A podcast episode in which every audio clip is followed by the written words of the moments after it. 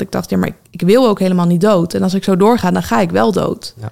En ik wil graag nieuwe dingen leren. En als ik zo doorga, dan kan ik helemaal geen nieuwe dingen leren. Dus dat was voor mij wel de motivatie. En dat is de pijn. Als de pijn groot genoeg is, dan besluiten we van genoeg is genoeg.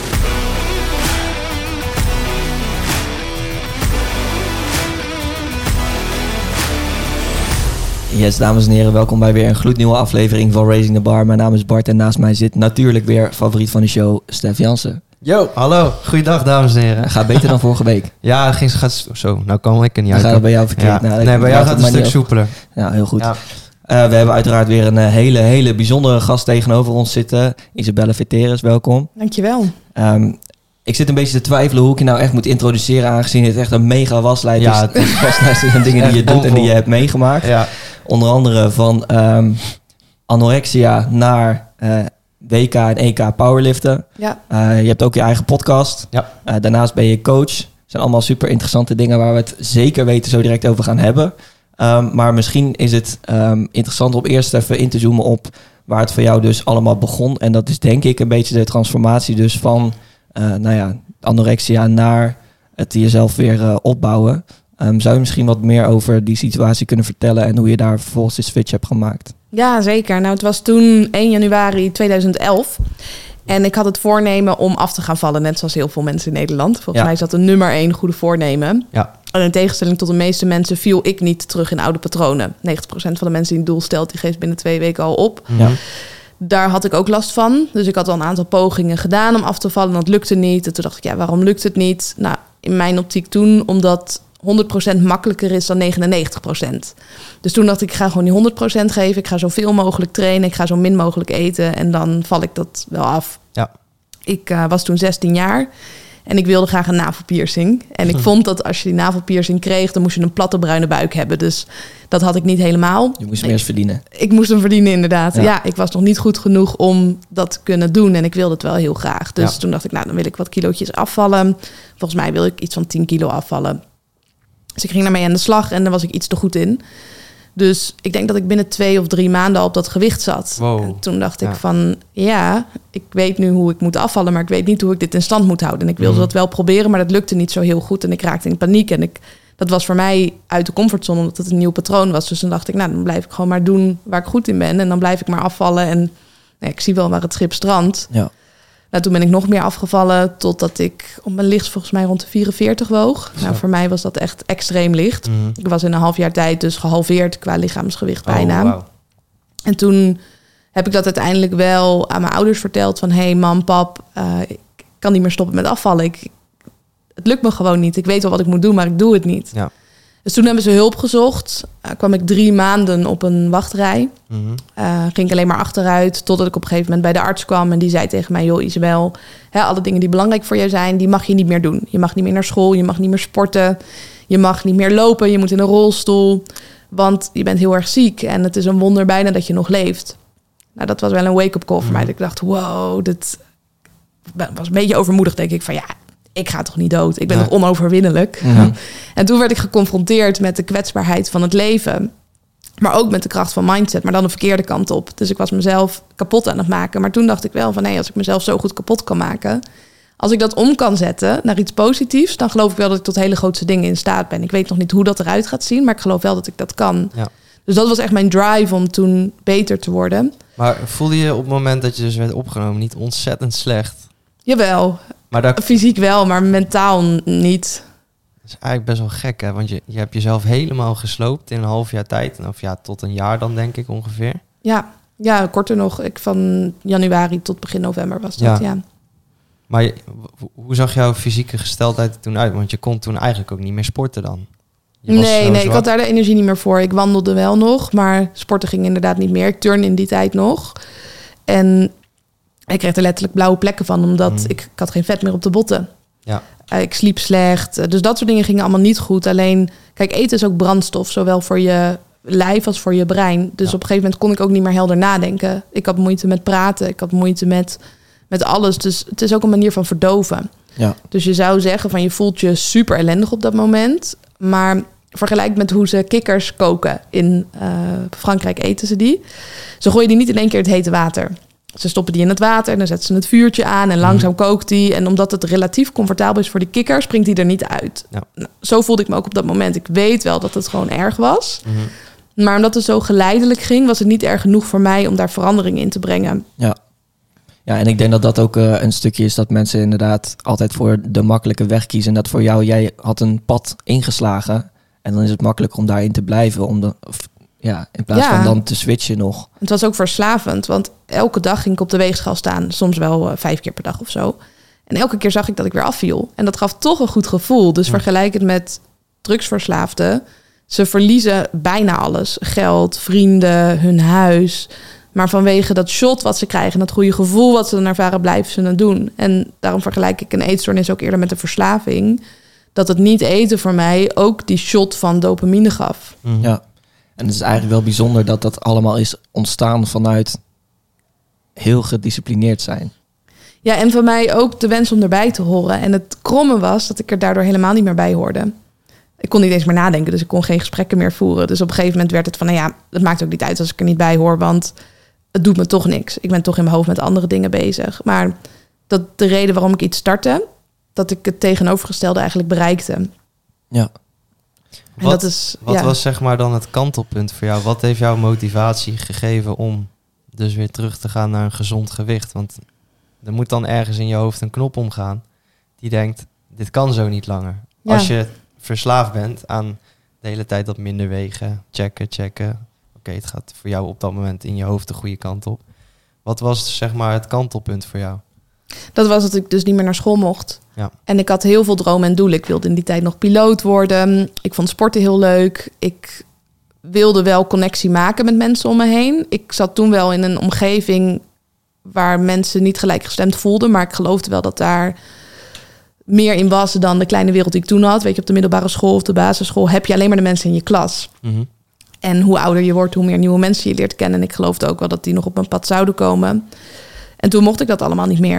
En ik had er ook de energie niet voor. En dat ik dacht, ja, maar ik, ik wil ook helemaal niet dood. En als ik zo doorga, dan ga ik wel dood. Ja.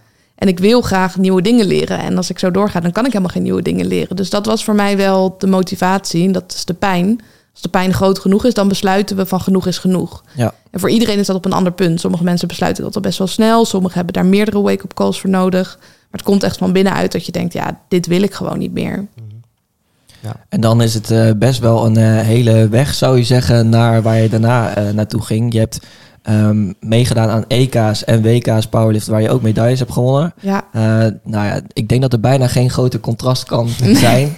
Ehm, dus nou ja, dat is sowieso super bijzonder. Maar hoe ben je daaraan begonnen weer? Dus nou ja, je, je bent dus eh, opgenomen. Dan nou, gebeuren er daar een heel aantal dingen om je aan te sterken, lijkt me. ja. Ehm, hoe ben je dan vervolgens die weg ingegaan van oké, ik ga me nog veel verder aansterken dan wat er hier gebeurt? ja dat, daar heeft heel veel tijd tussen gezeten. Dus op mijn zestiende kreeg ik die diagnose. En op mijn 23ste stond ik op het WK, EK en won ik daar meerdere medailles, waaronder een gouden. Dus toen ik in therapie ging, dan helpen ze je om niet ziek te zijn. Hè, in Nederland is de zorg heel veel ingesteld op niet ziek zijn in plaats van presteren op de toppen van je kunnen en preventie. Ja. Dus ik denk dat ik daar wegging op het moment dat ik net aan een gezond gewicht had. Mijn mindset was nog een onvoldoende in mijn optiek. Als ik ook de foto's terugkijk, dan zie ik een hele ongelukkige Isabelle. Maar ze Ja. zeiden tegen dat meisje van, joh, het is goed genoeg, ga maar. Mhm. En ik wilde daar ook echt weg, omdat je met allemaal vrouwen zat die, hoe zeg ik dat? Ik was heel gemotiveerd om beter te worden. En niet iedereen had dat. Ja. Dus ze leerden ook trucjes aan elkaar hoe jij de wegingen kon omzeilen, hoe je eigenlijk de boel kon manipuleren. Mm. En ik had wel een soort van competitiedrang. Dus ik vond het ook wel leuk om daar een beetje mee te gaan. Maar ik wist dat dat niet goed voor me was. Dus ik dacht, ik moet hier gewoon zo snel mogelijk weg. Ja. Dus met een gezond gewicht mocht ik daar weg. En toen dacht ik, nou, dan ga ik de wijde wereld in. En dan ga ik wel aan mijn omgeving vragen van, hoe doen jullie dat? En toen kwam ik erachter dat bijna alle vrouwen struggelen met hun gewicht, met hun uiterlijk, met hun zelfbeeld, maar ook met uitstelgedrag, perfectionisme, je druk maken om de mening van anderen. En toen dacht ik, shit, ik, Mhm. ik ben niet de enige, maar wel de eerste die hierover praat. Mentale gezondheid is echt een taboe. Want we willen doen alsof het allemaal goed gaat. En we Ja. willen ons beter voordoen dan wat we zijn. En we willen er graag bij horen. Ja, het komt bijna nooit voor dat je aan iemand vraagt hoe gaat het en dat hij dan zegt ja het gaat helemaal kut. Ja, ik zit niet zo lekker in mijn vel. Mhm. ik, ik ben onrustig. Nee, het is of goed of druk. Juist. En toen dacht ik, ja, maar als mijn mindset nu net aan voldoende is en er komt een tegenslag aan en ik ga weer dat rood in en ik weet hoe het dan kan zijn, dat, dat wil ik gewoon niet meer meemaken. Dus dat was voor mij ook wel de drijfveer om niet te stoppen bij die net aan voldoende, maar echt naar die 9 of die 10 te gaan. En mijn levenswerk ervan te maken om te onderzoeken hoe ik dat voor elkaar ging krijgen. Dus ik heb veel dingen gedaan in de trant van coaching. Ik ben psychologie gaan studeren, boeken gaan lezen, maar het vooral gaan doen. Ja. En toen ik een jaar of 23 was of 22, toen had ik wel het idee van ja, nu ben ik daar op dat punt dat mijn mindset een 9 is. Ik studeerde in die tijd psychologie, ik sportte fanatiek. Op zich presteerde ik meer dan gemiddeld of beter dan gemiddeld, maar het was niet de toppen van mijn kunnen. En toen mijn mindset beter was, dat ik dacht, ja, maar nu is eigenlijk er niks meer wat me tegen zou houden. Dus als alles mogelijk zou zijn, wat zou ik dan echt willen? Mhm. En toen dacht ik wel, ja, hoe gaaf is het als ik ergens echt in uitblink qua sport. Ik heb al heel veel sporten gedaan. Ik zeg vaak voor de grap dat mijn sportcv langer is dan mijn werkcv. Ik van, van rugby tot kickboksen tot powerliften, dus turnen, dansen, eh, Krav Maga nu erbij. Mhm. Uh, toen dacht ik, ja, maar ik ben nog nooit ergens op wereldniveau de beste in geweest. Wel op Nederlands niveau. En dat kwam omdat ik mezelf altijd had tegengehouden. Dat ik bij turnen bang was om te vallen, dus minder hoog sprong. Of bij rugby was ik bang om geblesseerd te raken. Dus ik ging daar nooit echt voor.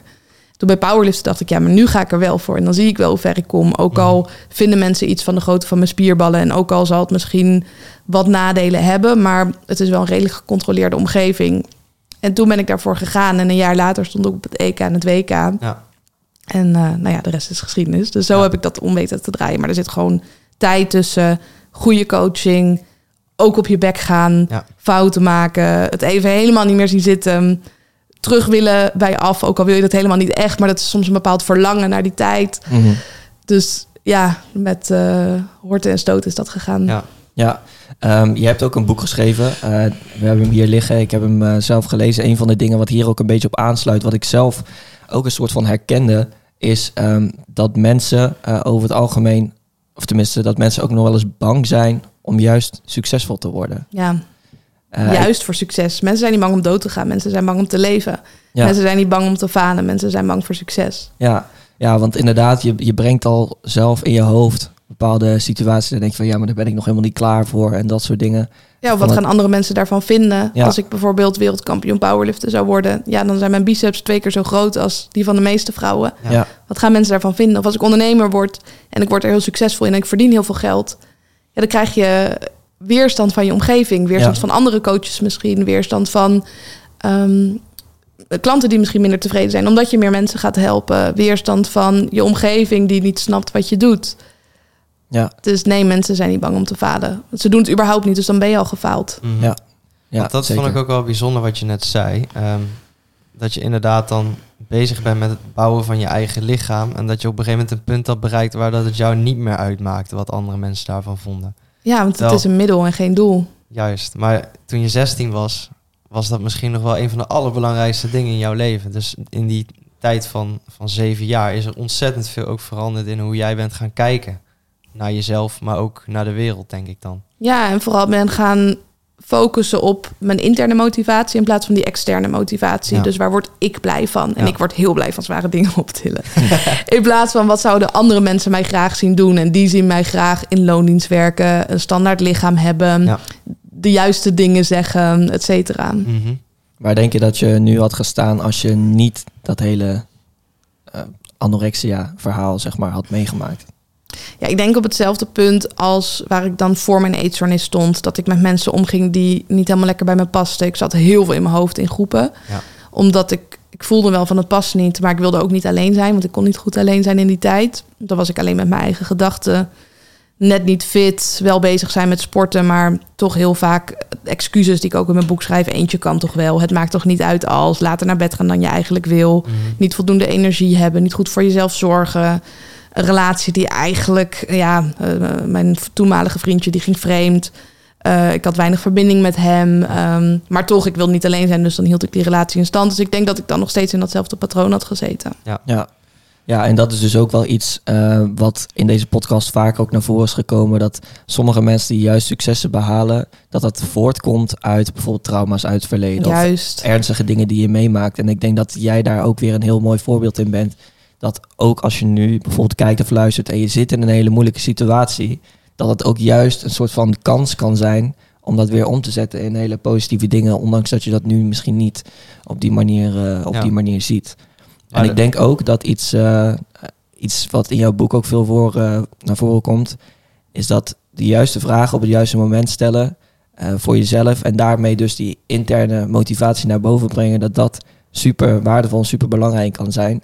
Eh, dus kan je misschien wat meer vertellen over eh, ja, wat die vragen zijn en hoe die jou ook hebben geholpen in je verhaal? Ja, absoluut. En dat is ook de methode waar ik nu mee coach. Om mensen echt in hun eigen kracht te zetten. Mhm. Dus je kan coachen door aan mensen te trekken. Door de stok achter de deur te zijn. De schop onder hun kont. Dat ben ik allemaal niet. En Allemaal waarom? extern. Ja, want als ik daarmee stop, dan val je weer terug in oude patronen. Dus het is niet duurzaam. Dan ga je mij altijd nodig hebben. Ja. En als het van binnenuit komt en ik zet jou in je kracht, dan wil je blijven gaan. Kijk naar kinderen. Als je die in hun kracht zet, als je die faciliteert, dan willen die heel graag spelen, leren, bezig zijn. Die gaan niet de hele dag op de bank zitten en niks doen. Nee. En toch denken we dat we luie wezens zijn en altijd maar voor het gemak kiezen. Ja, dat is niet zo. Dus die vragen die zetten mensen aan om dat innerlijke vuur aan te wakkeren. Van waar word je blij van? Waar ben je goed in? Wat zijn je positieve eigenschappen? Hoe kan je die nog meer uitbuiten? Ik zie Mhm. vaak dat mensen bezig zijn met de negatieve eigenschappen. En waar ben ik niet goed in en hoe kan ik dat verbeteren? Ik ben niet zo heel goed in hardlopen. Denk maar niet dat ik dat in mijn topsporttijd ging verbeteren. Dat liet ik gewoon achterwege. En ik ging heel goed worden in squatten, bankdrukken en deadliften. Ja. Dus met dat soort type vragen kijk je gewoon van waar ben ik extreem goed in en hoe kan ik dat nog meer gaan doen en waar word ik blij van en hoe kan ik daar meer van gaan doen en waar zou ik aan willen werken in plaats van wat willen anderen dat ik zou gaan veranderen aan mezelf. Ja, en ik denk dat dat ook een stukje social media is. Dat je van alle verschillende aspecten overal ziet dat mensen daar weer goed in zijn en daar weer goed in zijn. Dat vergelijk- je dan allemaal met jezelf. Maar je kan niet overal daar die beste versie van zijn of van iedereen winnen op elk gebied. En zij En- laten hun beste versie zien. Dus hun Ja. 1% beste momenten delen ze op social media. En die vergelijk jij met jouw 1% slechtste momenten. Ja, Ja, dat ga je altijd verliezen. Ja. dat ga je zeker altijd verliezen. Ja. Zelfs dus in de dingen waar je al heel goed in bent. Laat Zeker. staan de dingen waar je niet goed in bent. Ja, Ik had Ja. dit gesprek thuis met mijn moeder. Die, ehm, die, die, die heeft astma.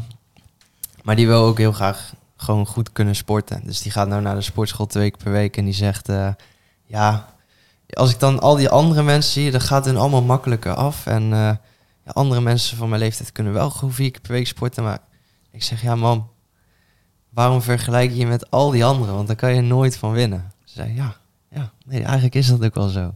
Ja, en ik denk ook eh, in de podcast die we met Jorn eerder, eh, eerder hebben opgenomen, eh, daar, weer, daar kwam ook heel erg naar voren zeg maar, het model van oké, bedenk eens bij jezelf wat wil je nou echt bereiken en vervolgens ehm, zet je dat weer uit in wat kortere termijn doelen. Dat schrijf jij ook in je boek.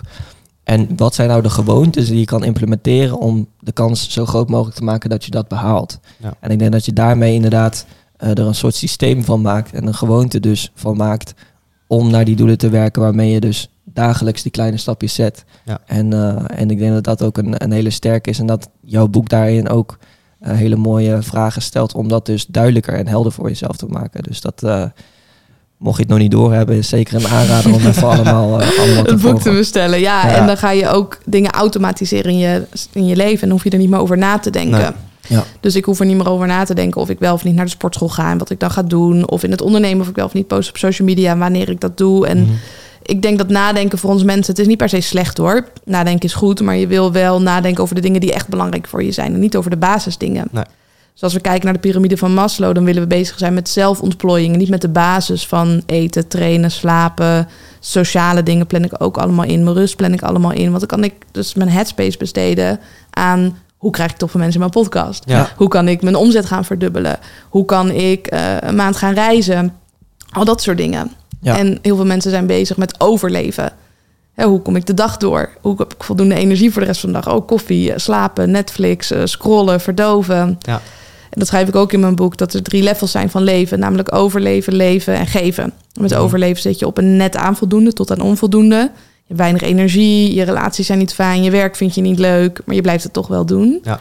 Dan heb je het level van leven. Klinkt natuurlijk al alsof dat het beste is. Dan zit je op ongeveer een 7 tot een 8. En dat is op zich wel oké. Net aan voldoende relatie, net aan voldoende voor je werk of je bedrijf, net aan voldoende mindset. Maar er is nog een level van geven. Dan zit je op die 9 of die 10. En het is ook moeilijker om van die 7 naar die 9 of die 10 te gaan dan van een Mhm. onvoldoende naar een voldoende. En daar stoppen veel mensen ook omdat het comfortabel is. Ja. Maar als je op dat level van geven zit, dan klotst het allemaal over de randen. Je hebt meer dan voldoende energie, je hebt meer dan voldoende geld, je hebt meer dan voldoende leuke relaties. Er is overvloed en dan kan je dat ook gaan doorgeven. En ja, ik word daar heel gelukkig van dat ik dat kan. Ja, wat ik grappig vind, ehm, ik had daar laatst ook een stukje over gelezen, dat heel veel mensen die zeg maar al best wel ver zijn in het ondernemen of in sport, vaak zie je dus ook dat die mensen heel veel geven, omdat ze weten dat ze het toch allemaal weer op een bepaalde manier terugkrijgen. Ja. Dus dan is het misschien een investering vooraf, maar dat komt dubbel zo hard terug. En dat is een ding wat, daar zat ik zelf over na te denken van ja, hoe kan ik dat dan voor mezelf implementeren? Zat ik te denken van ja, als ik gewoon vrienden gewoon ga helpen uit, uit, uit mezelf, spontaniteit, waar we het net van tevoren ook over hadden gehad. Dat waarderen, dat is iets, iets extra's, iets nieuws. Dat krijg je ook weer terug.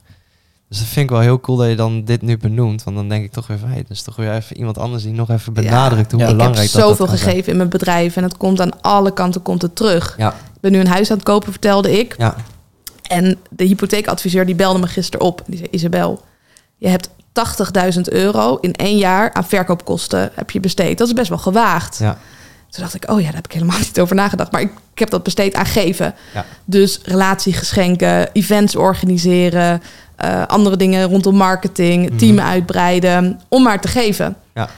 Ja, en het komt aan alle kanten terug. Alleen het Mhm. is voor zoveel mensen zo onnatuurlijk om te geven, omdat we het eerder zien als ruilhandel. Hè? Ik geef jou iets en jij geeft het meteen terug. Ja. En als het niet meteen terugkomt, ja, dan wil ik daar compensatie voor. Ja. Maar als je komt vanuit het level van geven in alle vlakken van je leven, dan geef je vanuit overvloed. Dus ik geef zonder ook maar iets terug te verwachten. ja, Dus het, het hoeft helemaal niet. Het is allemaal bonus. En dan Ja. komt het ook terug. Ja. Ja. Dus ik heb nu dus dat huis gekocht. En ik deed een appje in de groepsapp van mijn vrienden. Nee, ik heb een huis gekocht.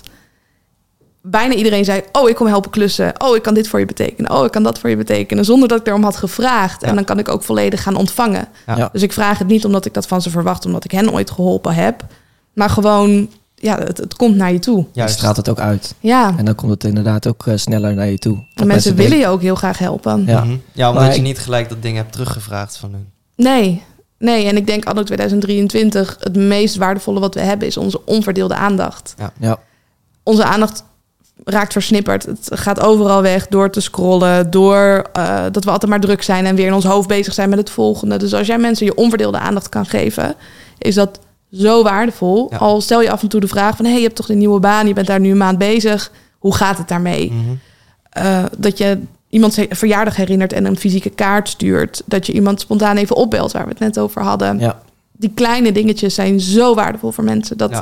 op het moment dat jij iets van ze nodig zou hebben, ja, iedereen staat in de rij om je te helpen. Ik weet als ik ooit in de problemen kom, ik heb gewoon een heel netwerk om, om hulp te vragen. En ik heb ook de skill om om hulp te vragen. Dus ik ben ook nergens bang voor. Nee. Ik, Nee. ik heb niks te verliezen. Nee. Dus als je die verbinding hebt, dan sta je zo stevig. Vergelijkt met een huis, die heeft ook een fundering nodig om op te bouwen. Maar de meeste mensen die bouwen hun leven op moeras. Ja, dan zou ik ook onrustig worden, want het is niet, het Ja. is niet solide. Voor hetzelfde geld zakt het in. Of zakt Ja. het. Ja, Ja. Maar ook daarin, dat, dat geven, dat zien mensen misschien al heel snel als iets best wel groots. Maar het kunnen al inderdaad die kleine eh, dingen zijn. Als gewoon even iemand opbellen. Of als inderdaad, waar je het over had, even iemand opbellen. Hey, kan ik vanavond mee eten? Iemand die je al een tijdje niet hebt gesproken of wat dan ook. Ehm, maar het wordt alleen nog maar sterker als je, nou ja, als je weer naar die piramide van Maslow kijkt. Als je de basis al goed hebt, dan kan je ook veel meer tijd en energie en aandacht besteden aan het geven op een veel groter niveau. ja, dat zie je ook bij succesvolle mensen. Die geven ook heel veel geld aan goede doelen. Denk aan een Obama of een Warren Buffett. Die geven miljarden weg aan goede doelen. En dat kan alleen maar omdat ze zelf heel veel geld hebben verdiend. En heel goed hebben gezorgd voor zichzelf. Hun eigen tank hebben gevuld totdat die overstroomt. Mhm. Dus daarom raad ik mensen ook aan om heel egoïstisch te zijn. We vinden het moeilijk om voor onszelf te kiezen. Heel veel mensen die geven niet vanuit overvloed, maar vanuit schaarste. Ja. Ja hoor, ik maak wel tijd voor. Ja hoor, ik kom je helpen. Maar eigenlijk heb ik nog niet genoeg tijd voor mezelf gehad. En mensen voelen dat ook weer in de energie. Dus het is echt een fine line daarin.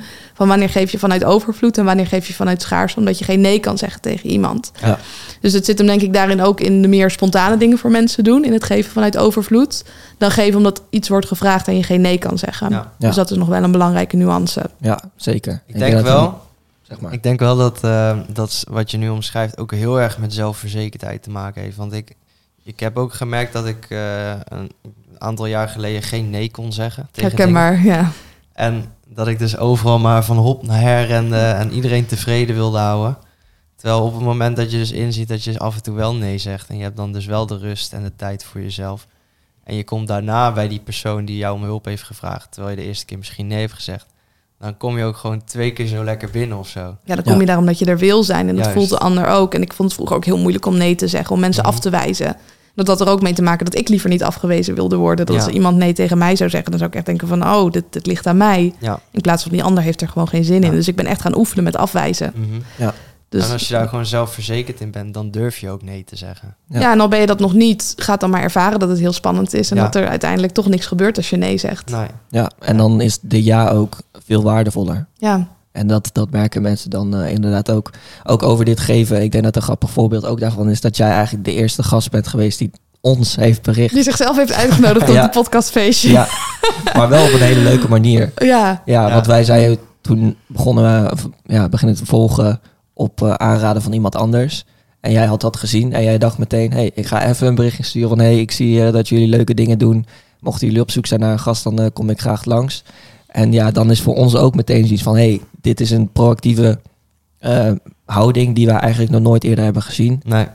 Tuurlijk vinden we dat leuk, Ja, zeg maar. Bart die appte dat toen nog, dat weet ik nog heel goed. En toen zei ik ook, yo, dit is echt super vet. Want een- dat, dat überhaupt iemand zo over ons eh, nadenkt of hoe die dan naar ons kijkt, zeg maar van, Ja. oh, daar wil ik graag aanschuiven. Ja, maar jullie doen dit zo gaaf. Jullie hebben mooie apparatuur. Jullie filmen dit. Ja. Jullie hebben leuke gasten gehad. Natuurlijk wil ik in jullie podcast. Ja, Ja, maar dat is gewoon zo'n zelfbeeld waar Ja, we het dan, dat, eh, dat snap ik heel goed. Ja. Ja, misschien is dat ook een leuk bruggetje naar, eh, naar jouw podcast. We hadden het voor de opname ook al even over van... Ja, we zaten door die lijst te scrollen. Je was nog niet zo heel lang bezig, maar er kwamen al best wel grote, grote namen langs. Ehm, een stukje brutaliteit, zei, zei je toen. Kan je daar misschien wat meer over vertellen? ja, zeker. Nou, ik, ik, weet niet of het klopt, maar ik had het idee dat de timing ook juist was. Want toen was het net corona. Ja, Dus toen waren alle agenda's leeg. Toen dacht Mhm. ik, dit biedt kansen. Ja. Dus waar heel veel ondernemers gingen zitten in... oh, dit is een tegenslag, pakte ik al die kansen. Dus ik ging een online programma toen opzetten... in samenwerking met andere ondernemers. Maar ging ook veel mensen voor de podcast vragen. Ik dacht, oh, tijd is nu geen excuus meer. Dus ik ga er bovenop zitten. En ik heb toen ook een lijst gemaakt van wie zou ik allemaal willen in mijn podcast. Bekende topsporters, bekende ondernemers, bekende Nederlanders. En ik ben vooral gaan kijken van oké, wat kan ik hen nou bieden? Mhm. Nou, ik kan hen een podium bieden. Nou, voor sommige mensen is dat niet zo heel relevant. Denk aan Arie Boomsma, van Faya Laurens of Giel. Die hebben al een groot podium. Ja. Nou, dan kan ik hen bieden dat ik psycholoog ben en heel goede, goede vragen kan stellen. Dat ik een stukje verbinding met ze opzoek. Dat ik ze uitnodig op een bijzondere plek en ze in het ijsbad stoppen met ze gaat trainen. en ja. dat soort dingen doe. Dus dat je echt komt, gaat nadenken van hoe kan ik iets komen brengen in plaats van iets komen halen. Mhm. En what's in it for them. Dus ik zie dat veel mensen komen halen. Ik heb mezelf een soort van uitgenodigd bij jullie podcast, maar wel op een bepaalde manier. Ik krijg Mhm. heel vaak aanvragen, ook voor mijn eigen podcast van mensen. Dat ik denk, ja, ik snap dat je mijn podcast wil. Maar wat kom jij nou brengen? Ik zie de win-win niet helemaal. Mhm. Dus zo ben ik wel gaan denken om bepaalde gasten voor mijn podcast te benaderen. was ook een beetje sport voor mezelf. Dus ik dacht, oh, dat is wel vet als ik de grote namen heb. Nu heb ik dat redelijk losgelaten. Mhm. Iets wat ook heel goed werkte daarin was kijken wie zij in hun netwerk hebben. En die bijvoorbeeld vragen voor de podcast en dan een doorverwijzing krijgen. Of gewoon een linkje sturen van hé, hey, met deze mensen heb ik al gepodcast. Zou je ook in de podcast willen? Mhm. Of eh, iets van ze kopen. Dus dan ging ik bijvoorbeeld naar eh, een, een, een lezing van Ari. Of ik ging naar een lezing van Jos Burgers. En dan vroeg ik hem daar voor de podcast. Dus Ja. heel vaak gaan mensen al iets halen zonder dat ze iets hebben gebracht. Dus ik heb ook wel mensen die bij me willen samenwerken. Maar dan denk ik, ja, koop eerst even mijn boek. Ja. Volg eerst even een training van me. Voordat je meteen met een aanbod komt. Mhm. Ik vergelijk sales met daten. En iemand vraagt voor de podcast is ook een manier van sales. Ja. Als wij op een eerste date gaan en je zegt meteen... joh, ik wil met je trouwen en kinderen krijgen. Ja, Beetje gek. dat is heel gek. Maar dat is wel hoe heel veel mensen sales doen of een, of een aanbod doen. Ja. Mhm. Dus als je een business ziet als een relatie bouwen... Ja. of een podcast ook ziet als een relatie bouwen... dan ga je er ook heel anders naar kijken. Ja. Dus dan durf je daar ook meer in te investeren. Stel dat ik bijvoorbeeld nu met iemand zou willen samenwerken... dan zou ik echt de tijd nemen om mijn huiswerk te doen. Jullie vertelden net ook van iemand die in de podcast wil... die eh, ultraloper is. Nou, dan ga je kijken van wat zijn de overeenkomsten... en dan Mhm. ga je een toegespitste mail maken... of Precies. een toegespitst bericht. Misschien zelfs een persoonlijke video. Ja. Wat mensen vaak doen is schieten met hagel. Die gaan gewoon maar iedereen benaderen met hetzelfde standaardbericht... en dan maar hopen dat je raak schiet. Ja, dat gaat niet lukken. Nee. Nee. Kan ik je nu al vertellen. Nee. Nee, en, en mocht je dan uiteindelijk toch met diegene in contact komen, dan hebben ze ook minder snel iets van: hé, hey, ik wil je ook verder helpen. Ik ken nog wel wat gasten die ook voor jou interessant zijn, in dit geval van de podcast. Omdat ze ook wel voelen van: het is veel zakelijker doe je het, zeg Ja. maar. Het is meer, Ja. je speelt de numbers game in plaats van dat je het echt voor mij doet. Ja, en dat voelen mensen echt. Ja, Ja. want dat is ook de reden waarom wij eigenlijk elke keer als we een nieuwe gast uitnodigen nu, dan vraag ik zelf ook al van ja, wil, heb je zin om even te bellen? Gewoon dat we elkaar kunnen zien. Laatst heb ik ook nog een, een nieuwe gast heb ik afgesproken om gewoon op het terras eh, ergens wat te gaan Oh, drinken. leuk. Ja. Dus ja, dat, dat is beter zeg maar dat je dan daarna nog een gesprek hebt voor zo'n opname, als dat iemand hier voor de eerste keer binnenkomt en dan out of the blue, ja, dit en dit gaan we bespreken. Het is meteen zo zakelijk. Precies. En Ja. dat, dat is minder leuk en komt denk ik ook minder over als je dan eh, inderdaad zo'n opname doet. Ja, en ik wil ook altijd mensen wel spreken om de vibe te voelen in het gesprek. Want als Ja. het geen match is, dan wil je het nog af kunnen blazen. Precies, precies. dat Want daar zijn we ook. al tegenaan gelopen in het begin. Dat we een aantal mensen hadden dat we dachten... Of een aantal mensen, gewoon... Aantal. gewoon een heel mooi eh, voorbeeld wat we niet gaan delen. nee, nee, Hebben jullie die podcast ook niet gepubliceerd? Nee, nee, Nee, nee. snap ik. Heb ik ook bij een paar podcasts gedaan. Hoor. Ja, Heb ik gewoon ja. niet gepubliceerd. Dat ik dacht, ja, dat...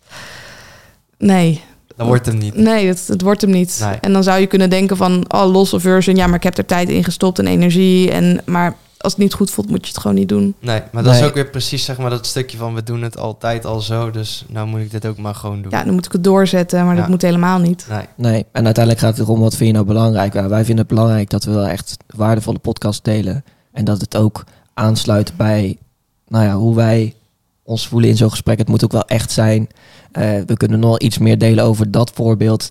Dat we die vier keer opnieuw hebben moeten opnemen wegens omstandigheden. Ja, dan voelt het gesprek gewoon niet meer echt. Nee, is niet natuurlijk. nee. En dan wil je wel dezelfde onderwerpen bespreken, omdat dat hetgene was waar die gast interessant om was. Maar ja, als je dat voor de vierde keer vraagt, dat is Dan gewoon heb je niet meer hetzelfde vuur erin. Dat, Nee. nee. Nee, en dat werkt er gewoon niet. Dus Nee. eh, nou ja, dat, daar kom je dan ook wel achter. En dat is dan een afweging die je moet maken. En ik denk dat dat ook iets waar, is waar wij ons in willen onderscheiden. Dat het wel gewoon allemaal eh, zo authentiek mogelijk is. Ja. Want we hebben een gesprek en er zijn toevallig microfoons bij. Ja, maar dat had net zo goed met een kopje koffie kunnen zijn of Ja. een groene smoothie. Ja. ja, ja, Ja. ja. en ik denk dat dat gewoon, dat ook dat, dat merken mensen. Ja, de mensen hebben het idee waarschijnlijk dat ze hier een extra stoel in de ruimte hebben en mee zitten te luisteren. Dat hoop ik. Ja. ja. Het zou wel leuk zijn als mensen dat ook even in de comments achter zouden laten. Van ja, welk gevoel kijk jij nou naar de podcast? ja, Dat is leuk om te weten. ja, zeker. Ja. Trouwens, wat ik nog, eh, een vraag die in me opschoot was, je had het over halen en brengen. Jij bent zelf naar ons toegekomen. Wat, wat dacht je dat wij jou konden brengen? Zeg Jullie maar. geven mij een podium. Ja, oké. Dat, dat zie ik wel eh, op die manier. Ja. Ja, want we proberen ook misschien, ik weet niet, de doelgroep van ons is toch wel meer eh, jonge mensen, echt tussen de 18 en hooguit 25. Ja, Voor jou is dat natuurlijk ook weer anders. Een ander ja podium. zeker. Ja, ander podium, andere doelgroep. Niet direct mijn doelgroep, als ik heel eerlijk ben. Want ik begeleid voornamelijk ondernemers één op één. Juist, ja. Maar mijn missie uiteindelijk is om Nederland het gelukkigste land van de wereld te maken. En daar hebben we ook jongeren voor nodig. ja. Dus ja, ik, ik spreek bijvoorbeeld ook voor bedrijven. En dan spreek ik voor verschillende leeftijden van 18 tot en met ook 65. Ik mag binnenkort voor een groep van directeuren spreken van grote bedrijven. Mhm. Ja, ook niet direct mijn doelgroep. Alleen wat in mijn boek staat, die heb ik niet toegespitst op ondernemers, maar eigenlijk voor iedereen. Om met de methode wel te kunnen werken. Ja, Dus mijn coaching zit er al vol. En toen kreeg ik ook de vraag van ja, wil je geen boek schrijven over die methode? Want we willen er wel mee werken. Toen dacht ik, nou prima, dan doe ik dat. Mhm. En dan kan ik op die manier ook de missie uitdragen en zaadjes planten bij de mensen. Al Ja. doen ze maar één ding aan de hand van deze podcast, dan ben ik al hartstikke blij. Ja. wanneer heb jij die missie voor jezelf bepaald? Mm, dat hij echt scherp werd, denk ik wel toen ik met mijn bedrijf begon. Maar ik denk dat het wel al doorkwam toen ik die... Ja, ik denk dat je dat ergens altijd al in je hebt gehad. Ik heb altijd wel gevoeld dat ik tot hele grote dingen in staat was... en hele grote dingen mocht doen in dit leven. Op jonge leeftijd was ik al met grotere topics bezig dan mijn leeftijdsgenoten. Dus Ja. op de basisschool speelden heel veel mensen buiten. En dat deed ik natuurlijk ook. Maar ik dacht wel na over wat is de zin van het leven? Wat gebeurt er na de dood? Ehm, kan ik gedachten lezen bij mensen? Kan ik dingen aanvoelen? Oké. Mijn meeste leeftijdsgenoten deden dat niet. Nee. Ehm, dus ik denk dat het er altijd wel in zat en dat het steeds scherper is geworden. En dat ik door mijn eetstoornis ook wel zag hoe ongelukkig de meeste mensen zijn. Of ja, in wat voor gouden kooi we leven. Dus het lijkt wel alsof we super succesvol zijn. Nederland is wel een van de landen die een hoog gelukcijfer heeft. Maar dat is Mhm. geluk op de korte termijn. Mhm. Niet lange termijn voldoening. Dus dat wil ik graag weer terugbrengen. Ja. Ja, Is daar ook een test van, van lange termijn geluk? Over de wereld gedaan? Ja, zeker. Ja? Zijn er Ja, hoe gelukkig we zijn. En in Nederland hebben we wel het voordeel dat we ons geen zorgen hoeven te maken over dingen als. eh, eh, denk aan geld. Gezondheidszorg. Gezondheid, ja, maar ja, ik vind Nederland ook niet heel gezond. Eh, meer dan 1 miljoen mensen, of meer dan de helft van de mensen heeft overgewicht. Klopt. Meer dan de helft van de mensen heeft één chronische ziekte. Meer dan een miljoen mensen zitten aan de antidepressiva.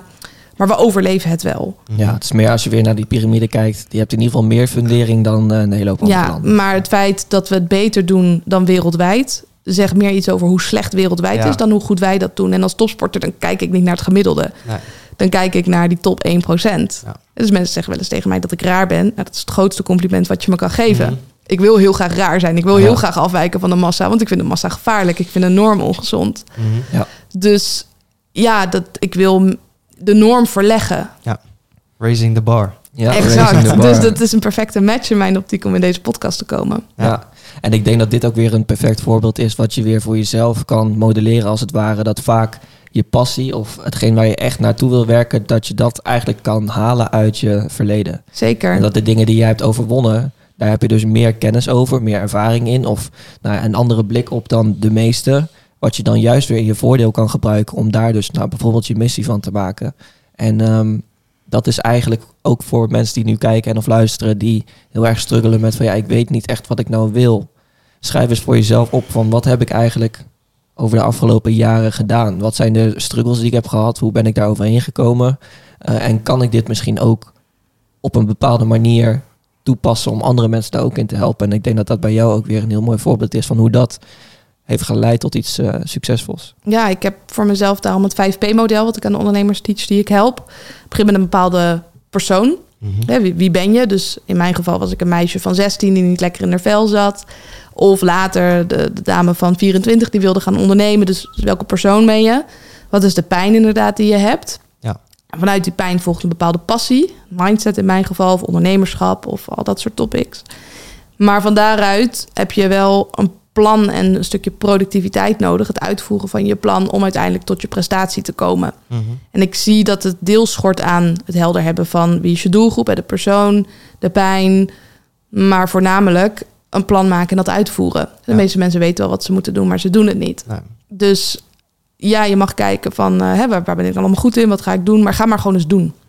En dan kom je er ook wel achter.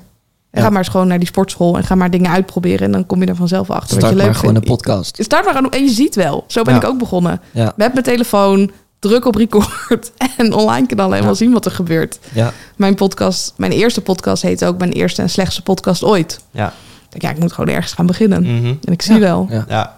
En je weet het inderdaad ook dat het gaat gebeuren en daar kan je er alvast op, op instellen. Maar ook daarin, sommige mensen zijn gewoon zo bang om fouten te maken dat de eerste stap al gewoon niet eens gezet wordt. Ja. Dat is eigenlijk heel zonde. Ja, Want Maar ook, ook daarin zijn wij gewoon steeds verbeterd. Ook de setup hier, ook nou, alles. Je loopt ergens tegenaan en vervolgens kan je het verbeteren, maar je gaat nooit perfect beginnen. En überhaupt de vraag is natuurlijk of je perfectie überhaupt ooit gaat. Ja, eh, wat is perfect? Ja. het is, ik, als ik bijvoorbeeld ook kijk naar relaties, ik val niet op mensen met een gezicht zoals Ken of Barbie.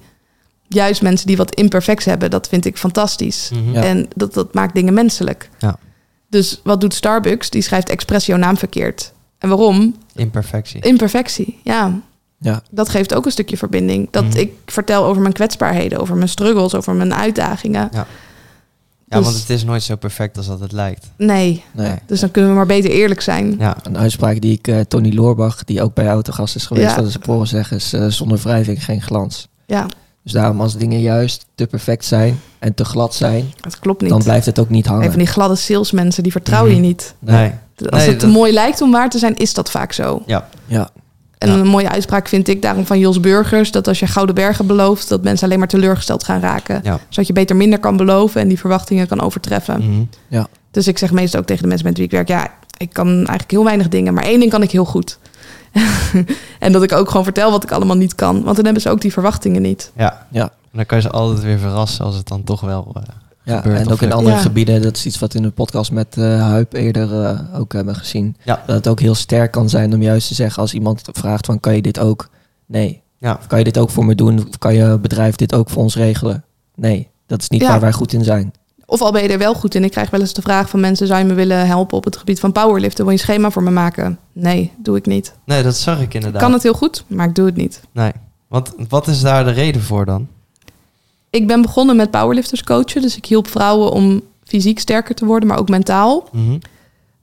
Maar dat is niet de toppen van mijn kunnen om schema's te maken. Nee. Dus ook al ben ik daar heel goed in, dat betekent niet dat ik het moet doen. Nee, dus dat- zelfs dan, ook al ben je er wel goed in, dan mag je nog nee zeggen. Mhm. Ik word er ook niet zo blij van. Nee. Ik word veel blijer van schema's maken op het gebied van mindset en ondernemerschap. Stap 1 in een eh, ander model wat ik in je boek tegenkwam, het elimineren. Ja, Ja. Eh, een ander eh, model, om het daar even ook weer daar dieper op in te gaan, die ik aan jou liet zien, die wij allebei heel interessant vonden, is als je een doel zet. Jij noemt het punt B, en je bent nu op punt A, Ja, en er is een obstakel. keer tien. Ja, vaak Ja. juist het eh, doel veel hoger zetten, zorgt ervoor dat het obstakel minder in de weg gaat zitten. Zo het omschrijf ik gaat het een weg. Ja, want als je het doel maar verhoogt, dan zijn dingen ineens geen obstakel meer. Leg dus uit. stel, ik wilde bijvoorbeeld, mijn doel was om voor mijn dertigste miljonair te worden. Mhm. En als er dan een obstakel komt, zoals een business coach die een investering vraagt in, zich, in, in mezelf. Van mijn eerste investering was volgens mij iets van 5000 euro. Ja, als ik miljonair wil worden, denk ik, ja, dat is niks. Nee. En ik vind wel een manier om dat bij elkaar te krijgen. Had ik als doel gesteld van, nou, ja, het zou fijn zijn als ik net aan rond kan komen. Ja, dan had ik het niet gedaan. Nee. Of toen ik een van de sterkste vrouwen van de wereld wilde worden en het regende en ik had geen zin om naar de sportschool te gaan. Ja, denk maar niet dat dat me tegen ging houden. Had ik als doel gesteld om een beetje fitter te worden. Ja, dan had ik gedacht, joh, dat komt wel morgen. Ja. Ja, Want dat Ja. doel haal ik dan toch wel. Ja, Ja. of mijn doel is ook om een fantastisch leven te leiden. En ik heb meerdere relaties gehad. En ik wil mijn leven ook graag met iemand delen. En als een relatie dan net aan voldoende is, kies ik er wel voor om de relatie te verbreken. Hoewel dat extreem lijkt. Maar ik Mhm. geloof dat er nog wat beters is. Ja. Terwijl heel veel mensen in een net aan voldoende blijven hangen. ja. Dus juist door je doelen heel hoog te stellen, durf je ook te kiezen. Durf jij obstakels te overwinnen. eh, en op die manier toch te gaan presteren op de toppen van je kunnen. Ja, Ja. ja, zo had ik er zelf nog niet eens per se over nagedacht, maar meer echt op eh, praktische dingen van oké, als je tegen een probleem aanloopt, dan moet je dat probleem nog steeds oplossen. Maar inderdaad, zoals je het nu beschrijft, sommige problemen die verdwijnen ook gewoon echt. Of die, Die verdwijnen echt als sneeuw voor de zon. Ja. het Ja. is geen obstakel meer. maar door wel te doen, zeg maar. Ja, ja, Want als je niks doet, dan...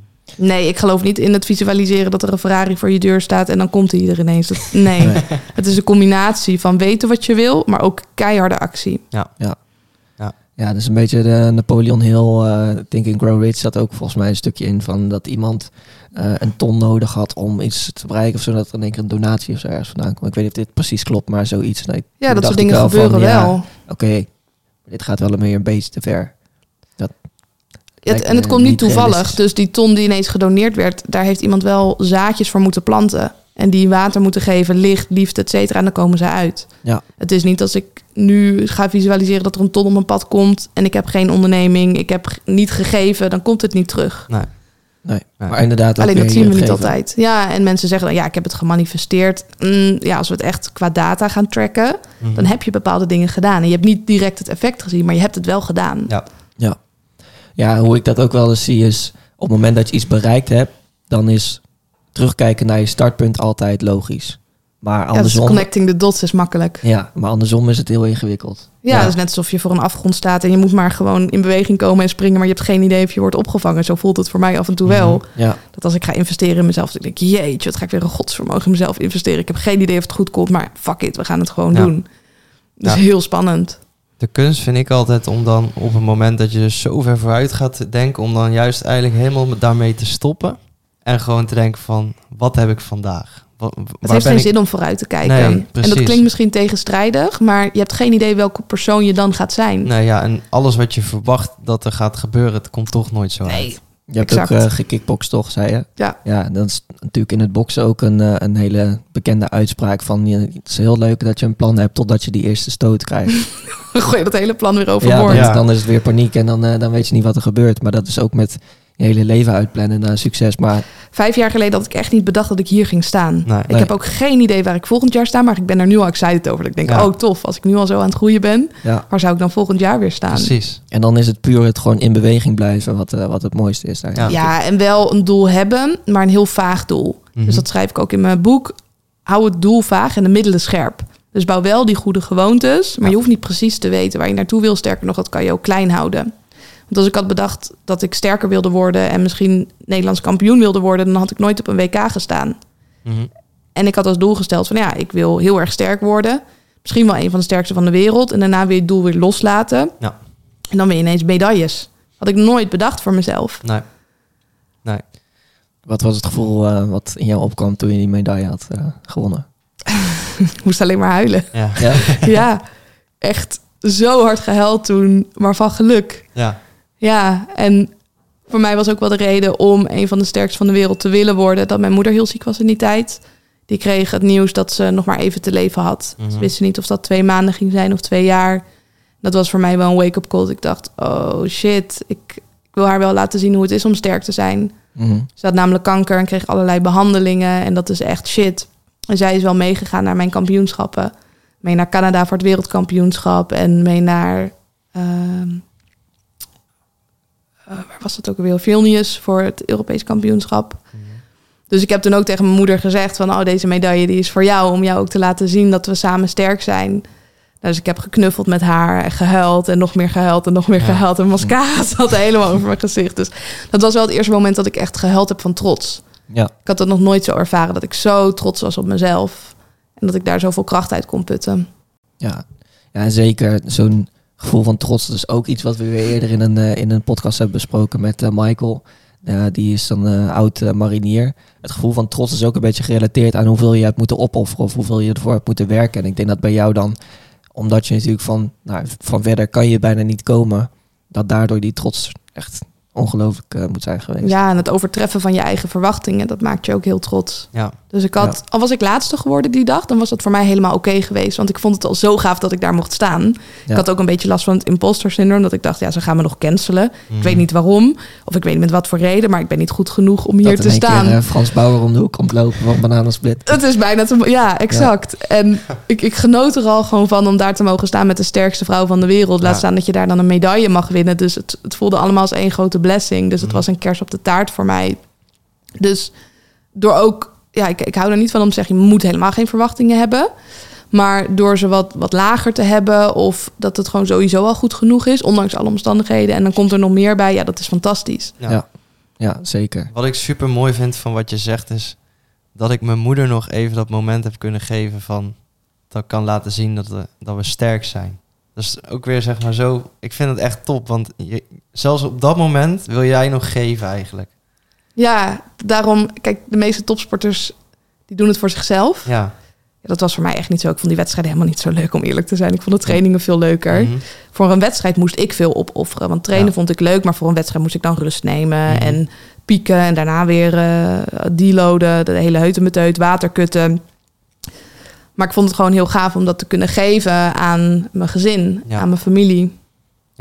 Ja. En ik heb er ook heel veel over gedeeld op sociale media. En Mhm. daarmee inspireerde ik ook vrouwen om sterker te worden. Dit was nog voor de tijd dat al die fit girls zware gewicht aan het tillen waren in de Ja. gym. Dit was echt nog in de tijd dat iedereen dat heel spannend vond om groter te worden. Dus ik zag Mhm. mezelf ook echt als een voorbeeld daarin. Van hé hey meiden, jullie kunnen gewoon zwaar bankdrukken, zwaar squatten, zwaar deadliften. En jullie worden daar niet mannelijk van. Nee. Maar ook inderdaad om nou ja, die tijd die ik nog met mijn moeder had zo goed mogelijk te kunnen besteden. Ja, dat vind ik echt super mooi. Ja, zeker weten. Ehm, toch heb je dan een doel behaald. Een doel wat heel groot was, waar je best wel naartoe hebt gewerkt. Eh, en wat je dan vaak ziet, is dat mensen in een soort van gat vallen. Was dat ook zo bij jou? Nee, ik, ik heb die berg beklommen en ik kwam erachter dat het hem niet was. Dat was niet mijn wedstrijd of dat was niet de toppen van mijn kunnen. Ook al ben ik kampioen geworden. Mhm.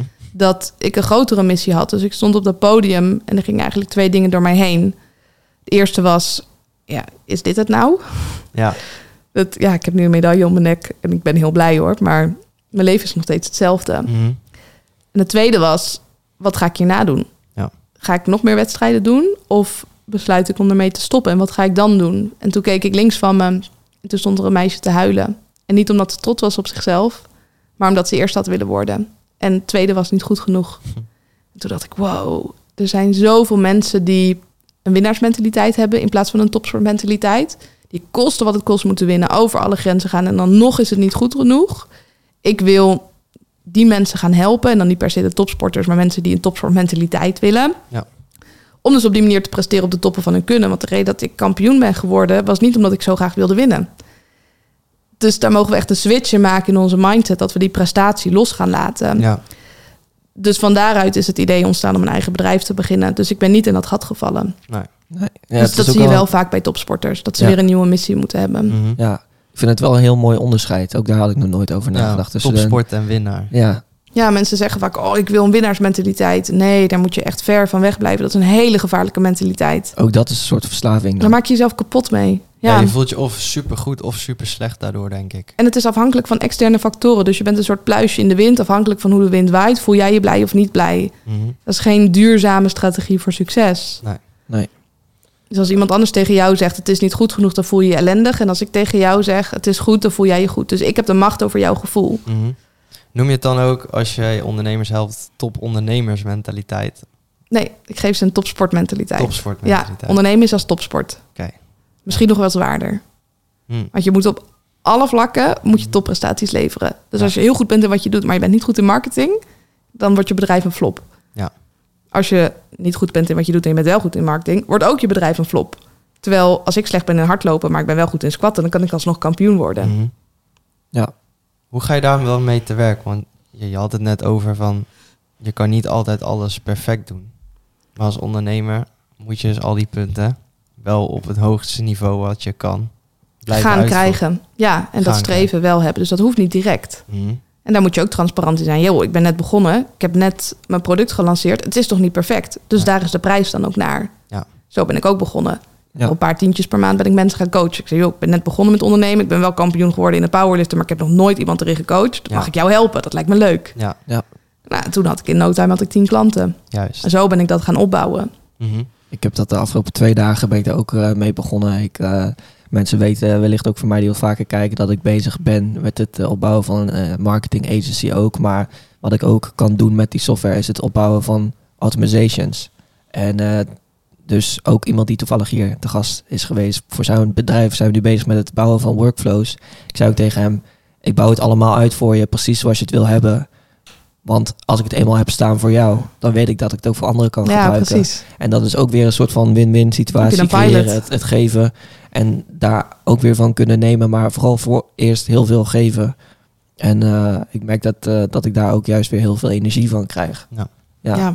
Dus dat is... eh, Ja, dat want jij komt hier de deur binnen en je zegt, Stef, check dit even. Kom eens even dat." meekijken. ja, Dat is Helemaal toch leuk? En dan ja. ben je het wel aan het doen. Ja, ja. exact. Het, het geeft geen energie om alleen maar aan je website te zitten en je producten en niemand te helpen. Ja. Dus je moet wel ergens gaan beginnen. Maar het hoeft niet in één keer perfect te zijn. Maar het streven moet zijn om er steeds beter in te worden. Mhm. En niet te zeggen, oh, ik vind sales niet leuk, dus ik ga het niet doen. Nee, want dan, ik denk zeg maar, als, je, als ik dan even een vergelijking moet maken, als je winnaarsmentaliteit hebt, dan zou je bijvoorbeeld als je een product hebt lopen via een webshop, zou heet het kijken van hoeveel heb ik verkocht. Ik heb deze dag minder verkocht, dus nou is het slecht. Ja, dan ga je het constant checken. Dat kost ook al heel veel tijd. Of Ja. als je een post maakt op social media, dat je constant gaat kijken wat er Mhm. gebeurt. En dan komt er één slechte recensie of één slechte comment. Mhm.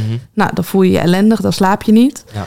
Of dat je überhaupt geen producten gaat lanceren, want het is nooit goed genoeg. Dus we moeten het nog meer testen en nog meer proberen. En nieuwe teksten op de site. En dan kan je mensen dus niet gaan helpen. Nee. Nee. Dan mis je echt essentiële tijd om echt aan te werken eigenlijk. Oh. Ja, en ook dat doordat mensen jouw producten of diensten gaan afnemen en gaan gebruiken, krijg je feedback die je in je eentje nooit had bedacht. Nee. Dus samen kom je veel verder. Ja. Mhm. Dit is de tweede druk van mijn boek. ja De eerste druk was echt niet perfect. Er zaten sommige fouten in. En ik denk, oh, hoe kan ik dat niet gezien hebben? Gewoon Mhm. een zin die maar half was en dan een punt. Dat ik... en ik heb gewoon van de eerste druk waren 1500 boeken. Kreeg ik allemaal feedback van de mensen die het hebben gelezen. Mhm. Die zeiden Isabel, een andere papiersoort zou fijn zijn. Want je wil dat ik in een boek ga schrijven. En het was eerst glanspapier. Toen dacht ik, oh ja, daar heb ik helemaal niet goed over nagedacht. Mhm. Of bepaalde eh, woordjes die verkeerd stonden. Of schemaatjes die net wat anders konden. En nu is de tweede druk er. Binnenkort komt een derde druk aan. Kijk, En zo kan je het steeds gaan verbeteren. En had ik bij die eerste druk gedacht, ja, het is nog niet goed genoeg. Ik weet niet waarom, maar ik ga het lezen en nog een keer lezen en nog een keer lezen. Had ik al die feedback niet gehad. Dus 80% is goed genoeg. Dan moet je het gewoon de wereld inslingeren. Mhm. En dan zie je wel. ja, een MVP maken, minimum viable product. E- exact. Ja. En dan inderdaad op de feedback, eh, op de feedback sturen. Wat is eigenlijk de tofste feedback die je hebt gehad op het boek? Of dat je iets hebt, is bijgebleven van dat ik dacht van, nou, dat, dat vond ik echt goed dat die mensen daar zo naar keken, zeg maar. Dat ik daar een aanpassing op heb kunnen maken. Ik kreeg laatst een kaartje thuis gestuurd van iemand. Dat was wel heel bijzonder. En die had gezegd dat ze niemand meer volgt op social media. Die had alles verwijderd. Die was alles uit het boek gaan toepassen. Mhm. Nu ze is ondernemer, succesvol bedrijf weten op te zetten. Ja. Ehm, ja, dat, dat zijn prachtige reviews. En dat ze ook Mhm. zei, ja, ik, ik weet eigenlijk niet waar jij mee bezig bent. Want ik volg je niet meer op social media. En hoe gek dat misschien ook klinkt, maar daar word ik heel enthousiast van. Dat ik mensen daarvoor Mm. kan inspireren. Mhm. ja, dus echt levensveranderende dingen die mensen doormaken. En het is zo leuk wat ik dan allemaal weer terugkrijg. Ik krijg cadeautjes thuis gestuurd of kaartjes krijg ik. En ik heb één keer een berichtje gekregen van iemand die zei... ja, moet je je adres niet van de website halen... want misschien hebben mensen slechte intenties.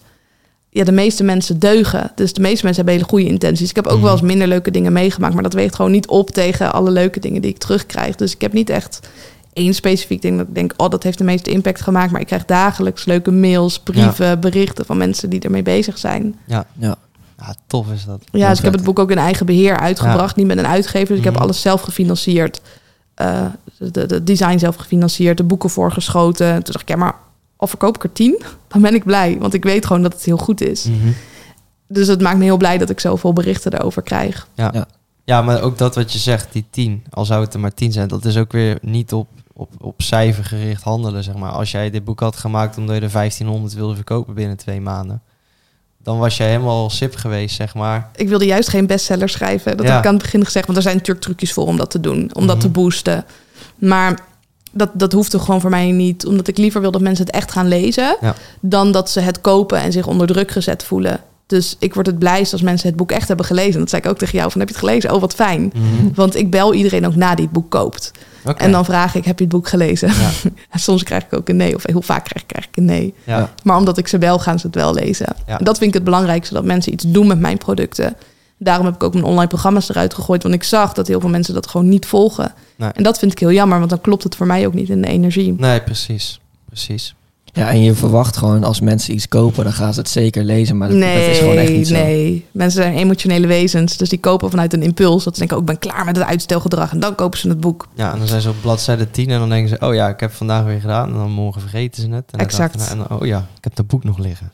Ja. Het scheelt dat je hem stoppen met uitstellen hebt genoemd. Dat toch Ja. iets meer confronterend. ja, maar ga maar eens een willen. boek schrijven voor mensen die aanlopen tegen uitstelgedrag. Over uitstelgedrag. Ja, Ja, dan gaan ze dat boek uitstellen. ja, Ja. ja. Ja. lastig. Ja, Ehm, iets anders. Eh, we hadden het even voor de, af, of voor de opname over ehm, dat heel veel coaches net rond kunnen komen. eh, en dat jij al voor de rest van het jaar vol zit. Hoe kan dat? hele goede vraag. ik denk door meerdere dingen die in deze podcast zijn besproken. Dus onder andere door het geven. Dus dan gaan mensen ook wat terug doen. Maar ook, ik vaar mijn eigen koers. Dus ik volg niemand op sociale media. Ik doe niemand dus na. Ja. Ik doe waar ik in geloof. Ook al gelooft niemand daarin. Dus ik heb een tijdje geadverteerd. En toen adverteerde ik ook op het boek. En het boek zelf is 25 euro. En de advertentiekosten om een boek te verkopen waren toen 60 euro. Toen zei mijn marketeer ja, we draaien verlies. Mhm. Dus misschien moeten we afschalen. Ik zei, nee, nee, nee, nee, dat gaan we niet doen. Opschalen die handel. En waarom? Omdat ik me heel goed besef dat als ik 100 boeken verkoop... en er komt één coachingsklant uit... dan is het het waard voor mij. Ja. Of ze zijn ook natuurlijk bezig met de inhoud. Dus door heel veel te zaaien en daar gas op te geven... en je eigen strategie te formuleren, dat werkt heel goed. Of wat ik nu aan het doen ben op Instagram... Heel veel ondernemers doen überhaupt niks met video. Dat vinden ze te spannend. Mhm. Dus door wel iets met video te doen, ben je al onderscheidend. En dan zie ik ook heel veel ondernemers, en dat doen jullie ook heel goed, die maken dan video's van de podcast. Hè? Dan knip je stukjes eruit, Klopt. ondertitel je, werkt ook heel goed. Ja. Ik ben nu gewoon specifiek video's gaan maken voor Reels. En dan ook gaan nadenken van oké, wat ga ik dan zeggen? En hoe ga ik mensen daarin zo goed mogelijk helpen? Maar ook vanuit mijn eigen visie. Dus ik kan heel veel volgers of views krijgen als ik half naakt ga dansen. Mhm. Maar dat zijn geen ideale klanten. Nee. Dus ik wil echt waarde toevoegen. Dus zo vaar ik heel erg mijn eigen koers in het ondernemerschap. En doe ik echt op basis van intuïtie van wat denk ik dat gaat werken. Ja. En dat doe ik. En ik denk ook waarom ik het zo goed doe, is omdat ik snap dat het ondernemen is. Dus 50% is heel erg goed zijn in wat je doet. Mhm. En 50% is ondernemen. En Ja. mensen vergeten vaak die 50% van ondernemen. Zeker. En ik snapte ook dat ik daar geen kaas van gegeten had. Dus ik Mhm. heb allerlei coaches ingeschakeld om daar goed in te worden. Ja. Dat ik dacht, oké, ik weet dat ik goed ben in wat ik doe. Maar ik heb geen idee hoe ik klanten moet krijgen. Hoe Mhm. zorg ik nou dat mensen mij gaan betalen? Ja. Wist ik veel, dus dat ben ik gaan leren. Ja, en daarin is het ook weer het modelleren van de mensen die dat al goed kunnen. Ja, exact. En daar weer je eigen draai aan geven. Modelleren, leren, strategieën, informatie opdoen. En het doel hebben om gewoon de beste ondernemer te worden in mijn branche. En ook dan, als je dat doel stelt, verdwijnen er meteen weer een heel aantal problemen. Ja, Lijkt me. zeker. Ja, als Ja. iemand dan een keer nee zegt tegen een traject, dan denk ik, ja, boeiend. Ja. Op naar de volgende. Ja. Mhm. Ik zat even te denken, want we hebben vorige week nog zitten kijken. Zo van ja, hoe, hoe gaan wij onze Insta-pagina opkrikken? Ik zat er ook over na te denken. Maar als ik dan nu zeg maar naar dit gesprek zit te luisteren, denk ik juist van we gaan gewoon iedereen waar we naar gekeken hebben, gaan gewoon helemaal in de prullenbak eh, gooien. We hadden gewoon gekeken naar voorbeelden van wat doen anderen. Oh ja. Ja. Ja, maar dan ga je dat nadoen. En dan kan je alleen Ja, maar of- net zoals zij worden. Je gaat nooit Ja. beter worden. Ja, dus nu, nu na dit gesprek denk ik van Bart, we gaan er even voor zitten om gewoon ons eigen ding te doen en nergens meer naar te kijken. Ja, Ja. en ga alleen maar kijken van... oké, zou ik mezelf volgen? Zou Ja. ik mijn Ja. eigen Instagram interessant genoeg vinden om naar te kijken? En Ja. als de conclusie nee is, ja, dan Ja. moet je iets gaan veranderen. Ja, die Ja. conclusie hadden, had ik voor mezelf al wel gemaakt en Bart die zie, zie ik nou ja, Ja, knikken. Maar ik zei ook al tegen jou van, ehm, ik denk dat mensen de podcast niet alleen volgen voor de informatie die alleen maar naar voren komt en de inzichten die mensen krijgen. Want er zijn nog heel veel andere podcasts waar ze dat ook kunnen krijgen. Mensen willen ook- vermaakt worden. Ja, en vermaakt willen worden, maar daarnaast ook een soort van persoonlijke band ja, creëren. Ja. Waar ik het al over had, de authenticiteit van de gesprekken en hoe wij echt gewoon onszelf zijn. Dat dat alleen al onderscheidend kan zijn. Maar als je naar ons Instagram-account nu kijkt bijvoorbeeld, zie je een aantal fragmenten uit podcast, net zoals iedere andere podcast dat Ja, doet. ja. En af en toe een keer een foto of een, een thumbnail of zo. Maar eigenlijk maken we nooit stories met... hey, eh, dit is wat ik vandaag heb geleerd. Of Mhm. hey, eh, deze aflevering is online gekomen voor mij. Was het een heel mooi gesprek door deze en deze, deze reden. Om juist het veel persoonlijker te maken dan weer zo'n podcast, zeg maar. Ja. en vaak kijken we dan ook naar onze conculega's. Dus mensen die hetzelfde doen als jullie. Mhm. Maar als je dan, dan naar anderen kijkt, kijk dan naar mensen die in een totaal andere branche zitten. Ja, Kijk bijvoorbeeld voor jullie zou ik kijken naar een... Kennen jullie Jutta Leerdam? ja. Ja. Zij, maakt, zij maakt geen informatieve video's. Het is alleen maar vermaak. Maar wel, in mijn optiek, in een positieve zin. Mhm. Dus ik kijk ook naar dat soort mensen van... hè, ik, ik ga dat niet copy-pasten, maar wat is er nog meer mogelijk? Ja. In plaats van alleen maar standaard reels gaan maken. Precies. ja. Ja. Daar hebben Ook wij ook wat nog, sfeer eh, neerzetten. We hebben ook nog zeker andere plannen die wij eh, de komende weken slash maanden gaan Ja. uitwerken om ook weer heel anders te zijn als podcast. En eigenlijk veel meer te verbreden naar een platform dan alleen een podcast. Mhm. Ja, jullie heten Raising the Bar. Ja. Ik miste nog een beetje de fitness-gerelateerde content. Of Ja, Ja. ja, meer het personal brand van jullie. Ook daar zijn we mee bezig. Ja, leuk. Ja. zeker. Gaan we Eh, nog niet te veel over verklappen. Nee, nee, Nee, nee. absoluut Als ik jullie een keer een training mag geven, dan eh, gaan we Ja. dat een keer doen. Absoluut. We kunnen die vastleggen. We hebben hier Ja. een, een bench staan trouwens. Dus als je nog even Ja. wil, zo, eh, dan, dan kan dat zeker.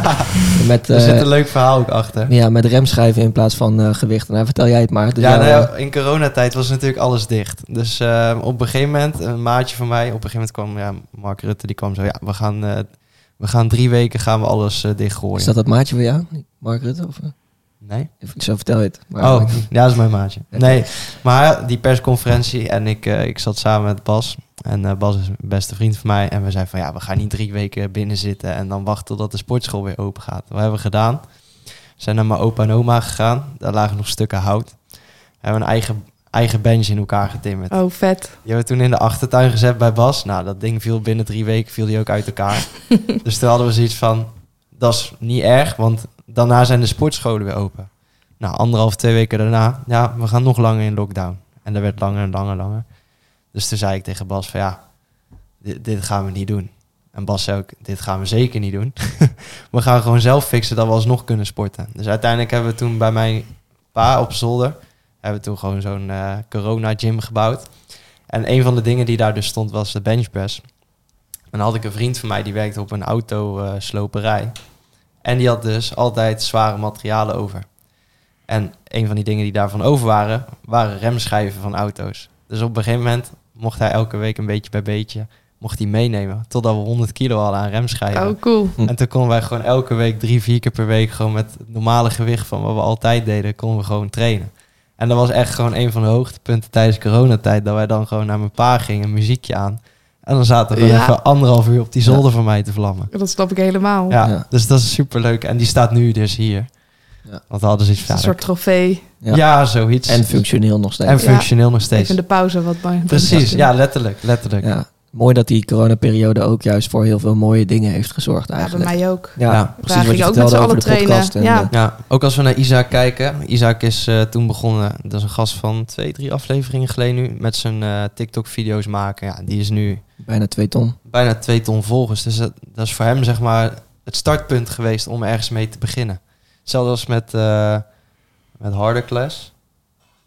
Ja, die, die kennen de mensen niet. Nee, dat kennen de mensen niet. Maar in ieder geval, dat is ook zeg maar... Je hoort steeds dingen die zeg maar, in coronatijd zijn Ik denk dat er heel veel is geshift in die tijd. Ja. En zoals ik het ook zie, dat mensen zijn gaan matchen op basis van kernwaarden.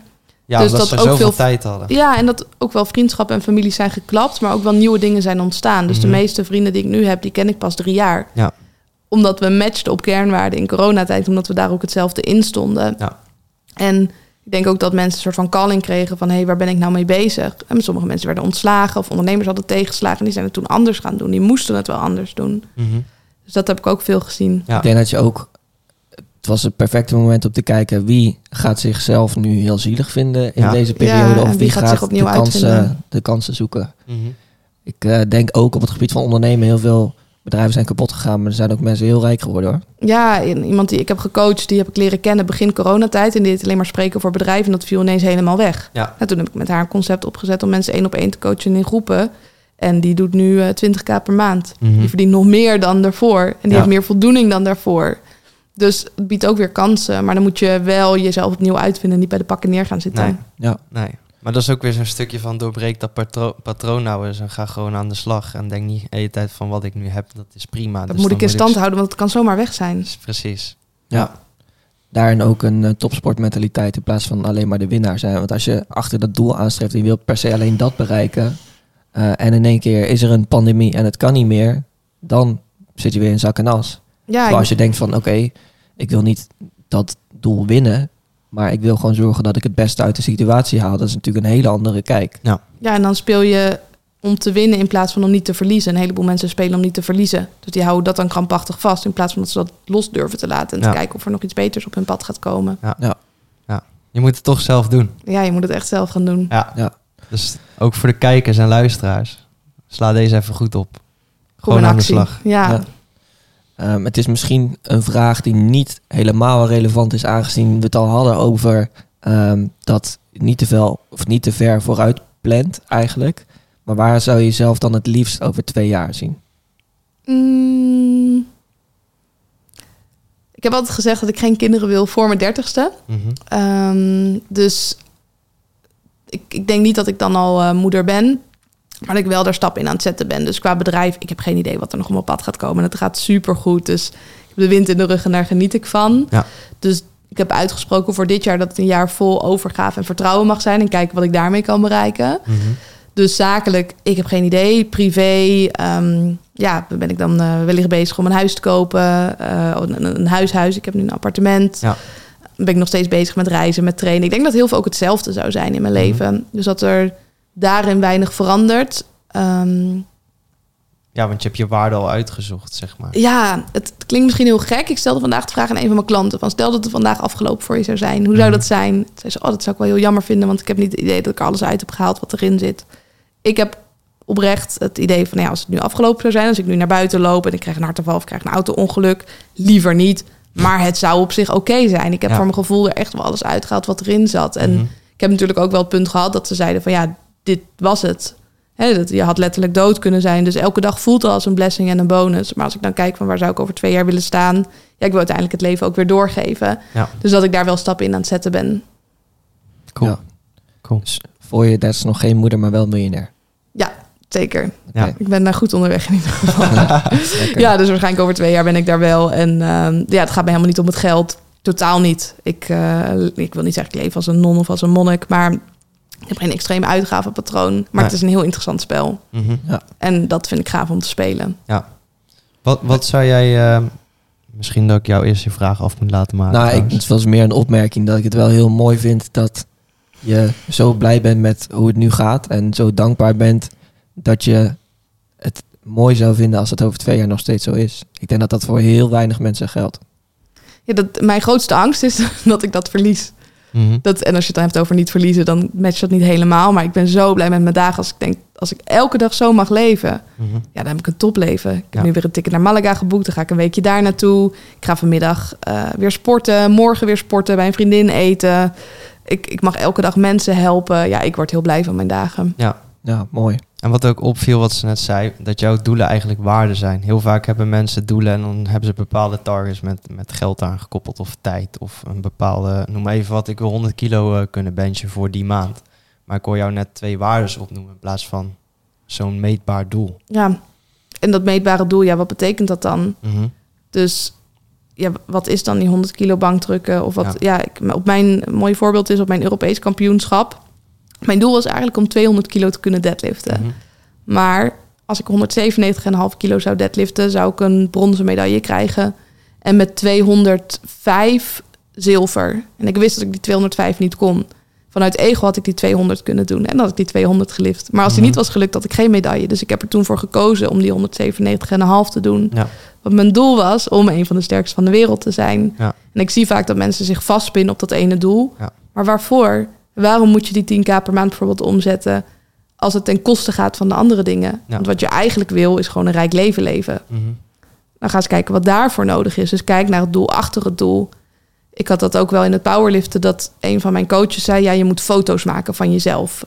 Dat, dat is best wel een standaard ding bij personal trainers. Ik zei, ja, maar waarom? Ja. Ja, dat doen we bij iedereen. Ik zei, maar ik ben powerlifter. Ik hoef, dat, ik hoef geen sixpack. Ik hoef niet af te vallen. Ik wil gewoon goede voeding voor mijn training. En toen is hij daar ook mee gestopt om dat bij iedereen voor te stellen. Omdat we heel vaak maar domweg dingen doen. Ja. Ja. Omdat anderen het ook doen. Omdat anderen het ook doen, ja. Ja. Ja, en dan is inderdaad de vraag waarom. En ten Eh, koste van wat? Ja, Mhm. super belangrijk. Maar ook als je nu voor jezelf nadenkt en je denkt, oké, ik wil, ik zou heel graag dit willen bereiken, maar waarom? Ja, Misschien zit er een heel ander doel achter, inderdaad, wat je net ook al zegt. Of ja, misschien kom je erachter dat het eigenlijk helemaal niet eens heel belangrijk is. Plus, het moment dat je je waarom wel duidelijk hebt, dat is ook voor ons in eh, de marathontraining een ding. We vinden het hardlopen eigenlijk ook helemaal niet leuk. Maar waarom doen we het? Als je dat duidelijk hebt voor jezelf, eh, dan kan je dat antwoord altijd Ja. geven op momenten dat je er even doorheen zit. Want dan komt die omhoog. dat Ja. is die intrinsieke motivatie weer. Ja. Ja, ja, ja. Ja, mooi. Dat is de cirkel eigenlijk eh, mooi rond. Want daar begonnen we mee. Ja. Ja. Ja. Wat ik nog even wilde vragen, ehm, die vraag stellen we vaker van wat zou je als je nu een tip mocht geven aan de kijker of luisteraar, Of aan je jongeren zelf. aan je jongeren zelf, wat zou je die persoon dan vertellen of aanraden? Ik zou sowieso als advies zou mogen geven aan mijn jongeren zelf, zou ik vooral heel liefdevol en empathisch zijn. Dus zeggen van, joh, het komt allemaal wel goed. Je maakt je zoveel zorgen om dingen, maar het komt wel goed. Ja. En als ik de luisteraar een tip zou mogen geven, dan zou dat zijn, doe gewoon één ding om in actie te komen. Mhm. Als je luistert naar deze podcast, heb je vast wel heel veel dingen eruit gehaald. Maar kies nou één ding uit en ga dat vandaag implementeren. Ja. Hou dat een week lang vol en dan pas ga je het volgende stapje zetten. In plaats van dat je alles in één keer wil doen, want dat is vrij kansloos. Dat is Ja. ge- kan ik je nu al garanderen, dat gaat mislukken. Mhm. Ja. Dus kies één dingetje uit en ga dat doen. Dus als het voor jullie die andere reels maken is, dan ga je alleen maar dat doen. Mhm. Of als je denkt, nou, ik ga eh één keer in de week trainen, dan zorg je dat je dat eerst even volhoudt, misschien een maand volhoudt, voordat je dan naar twee keer per week gaat. Ja. Dus focus op één ding. Mhm. Focus on the few, not the many. En zorg dat je daar dan goed in bent, voordat je doorgaat naar het volgende, want anders maak je ook niks af. Ja. Ja. En dan is het ook niet meetbaar. Nee, Dan weet je niet als er in één keer dingen veranderen, waar dat dan aan ligt. Als je Ja, zes of als het niet verandert. Ja, dan zeggen mensen, ik heb alles geprobeerd. Ja, maar heb je het echt geprobeerd? Ja. Heb je het echt gedaan? Nee. dat is een vraag die wij onszelf ook eh, op businessvlak eigenlijk eh, ook hebben afgesteld. Van oké, het is niet gelukt. We hebben het eigenlijk wel echt geprobeerd. Ja. Mhm. Dan is het antwoord in eh, een aantal gevallen nee geweest ook. Ja, ik heb ook één klant en die moet van mij nu een planning maken om bij te gaan houden hoeveel tijd gaat er naar iets. Want ze zei inderdaad, ook, ik ben heel veel mee bezig. En toen kwam ze erachter, nou dat valt eigenlijk wel mee. Ik ben Ja. helemaal niet zoveel ermee bezig in mijn hoofd wel, Mhm. maar in de externe wereld niet. Ja. Nou, dan weet je dat. Ja. Mhm.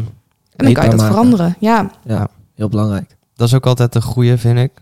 Je kan iets heel belangrijk vinden, maar ga ook even na hoeveel tijd je er daadwerkelijk aan besteedt. En welke keuzes je maakt. Ja. Dus ik, als jij gezondheid belangrijk vindt, maar je bestelt elke keer sushi, patat, weet ik het. Mhm. Ja, hoe belangrijk vind je het dan? Als Ja. je gedrag niet in één lijn is met jouw overtuigingen. Ja.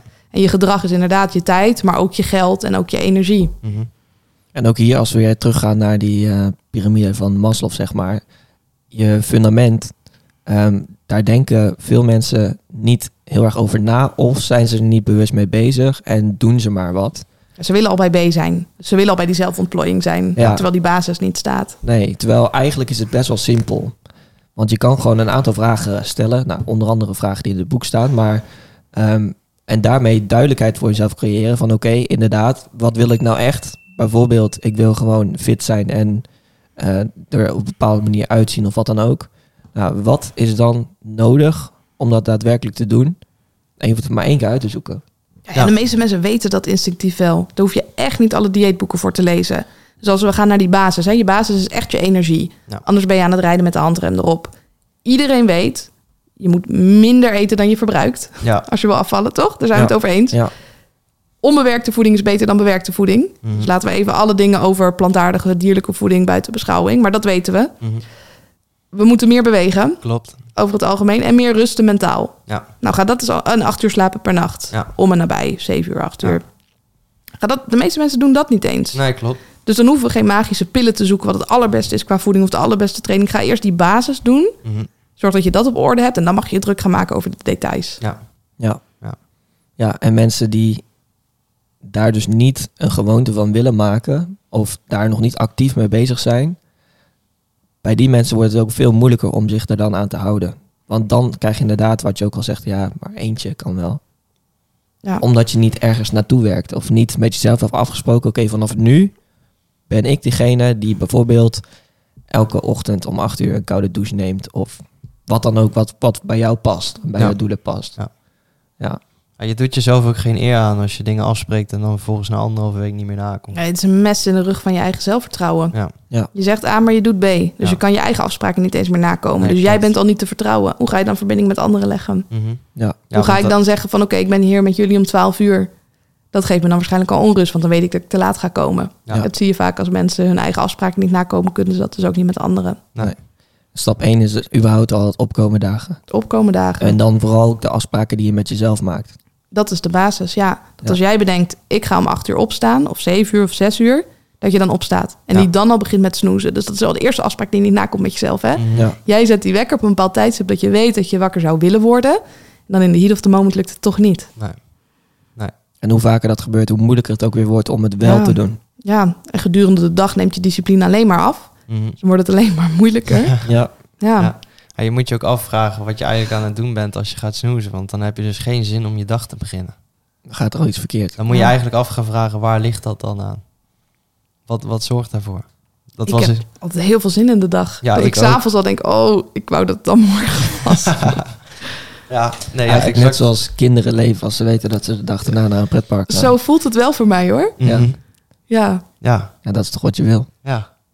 Zo elke dag naar zo'n pretpark gaan, dat is toch super tof? ja. dat zie ik wel bij de ondernemers die ik help. Die krijgen, kijk, een burn-out krijg je niet van te hard werken, maar dat krijg je van structureel de verkeerde dingen doen. En ik doe ook bloedtesten met de ondernemers met wie ik werk. En wat ik in elke test terug zie komen, is dat de ondernemers best wel veel stress hebben. Ja. Maar ze houden het vol omdat ze zo gelukkig zijn. Mhm. En als ze minder gelukkig zouden zijn, dan krijgen ze een burn-out. Ja. Dus je kan echt wel heel veel doen op een dag. Je kan Mhm. super productief zijn. Je kan op meerdere vlakken presteren op de toppen van je kunnen. Maar een vereis is echt dat je er blij van wordt. En Dus het dat klinkt je- heel cliché. Je moet doen wat je leuk vindt. Dan denken mensen vaak, ja, maar hoe ga je je geld ermee verdienen? Dat lukt echt wel. Als je geobsedeerd bent door wat je doet, vind je een businessmodel. Kijk naar een Wim Hof. Vroeger dachten mensen echt, die is knettergek. Ja. Nou, tien jaar later is die een van de beroemdste mensen van de wereld. Ja. heeft letterlijk de wetenschap veranderd. Ja, Ja. Door gek te zijn ook. Ja, Ja. ja. Ja. Ehm, dan eh, stellen we meestal op het einde nog even de vraag: zijn er dingen die jij nog heel graag zou willen delen, die je nog niet hebt gedeeld? Over van alles en nog wat. Nee, ik denk dat ik het meestal heb verteld. Wat me zo te binnen schiet is... Ik vind het wel mooi waar we het over hadden... van om gewoon even iemand op te bellen of een berichtje te sturen. Dus Ja. als deze podcast afgelopen is... stuur gewoon even een berichtje naar iemand die belangrijk voor je is. Ja. Mijn moeder is inmiddels overleden... en als ik die kans had gehad, had ik dat sowieso naar haar gedaan. En ik denk dat we te weinig zeggen tegen de mensen die belangrijk voor ons zijn... dat ze dat zijn. Ja, dat vind ik een hele mooie. ja. Nou ja, dan ga ik daar nog één klein dingetje voor aanvullen. Ja, uiteraard. Want je hebt die gratitude eh, journal gegeven. Ja, En eh, daar ben ik nou sinds een week mee bezig. Ik schrijf gewoon, als ik ga slapen, zeg maar, een uurtje van tevoren, schrijf ik gewoon even op waar ik trots op ben van mezelf. eh, welke dingen er zijn gebeurd waar ik dankbaar voor ben. En ik merk dat dat dus ook helpt om dus actie te nemen om dat soort berichtjes, zoals je net aanspoort, te sturen. Want dan ga je er dus over nadenken. Ik had van de week dat ik thuis zei, hé hey, eh, mam, thanks dat je het eten hebt gekookt, hè? Dat doe je Ja, gewoon dat elke zijn die dag. kleine dingen. Dat zijn ja. de kleine dingen. Ik kreeg voordat ik hier naartoe ging een berichtje van eh, de man in mijn leven. Die zei, oh, ik ben zo blij dat je er bent. Ja, Dat soort kleine dingen, dat, meer hoef je niet te doen. nee. En dat krijg ik omdat ik dat ook zo vaak tegen hem zeg. Ja. Ja, Maar als je geen tijd neemt om daarbij stil te staan, dan gebeurt het niet. Ja, het is niet vanzelfsprekend. Nee. dat is grappig. Ik heb het gisteravond nog tegen iemand gezegd ook. Of ge- geappt. Ja. Ja. En die reactie die je dan krijgt is gewoon heel mooi, omdat mensen het ook niet aanzien komen. Omdat Maar je maakt echt iemands dag. Ja. Ja. Dus Zo, zo zie ik dat wel. hè. Die bewuste aandacht is zo belangrijk. Dus luisteraar en kijker, neem even een momentje. Ja. Schrijf even een berichtje naar iemand, iets liefs. zeker. En eh, implementeer één ding wat jij uit deze podcast hebt gehaald. Waarvan je denkt, daar wil ik mee aan de slag. En mocht je nou eh, meer van eh, Isabel willen weten, dan staan natuurlijk een hele hoop linkjes in de beschrijving. Naar, Zeker. eh, of de Instagram of eh, de podcast. Podcast, YouTube-kanaal. en uiteraard het boek. Je hebt al gezien, het is niet zomaar een boek waar we het eerder over hebben gehad.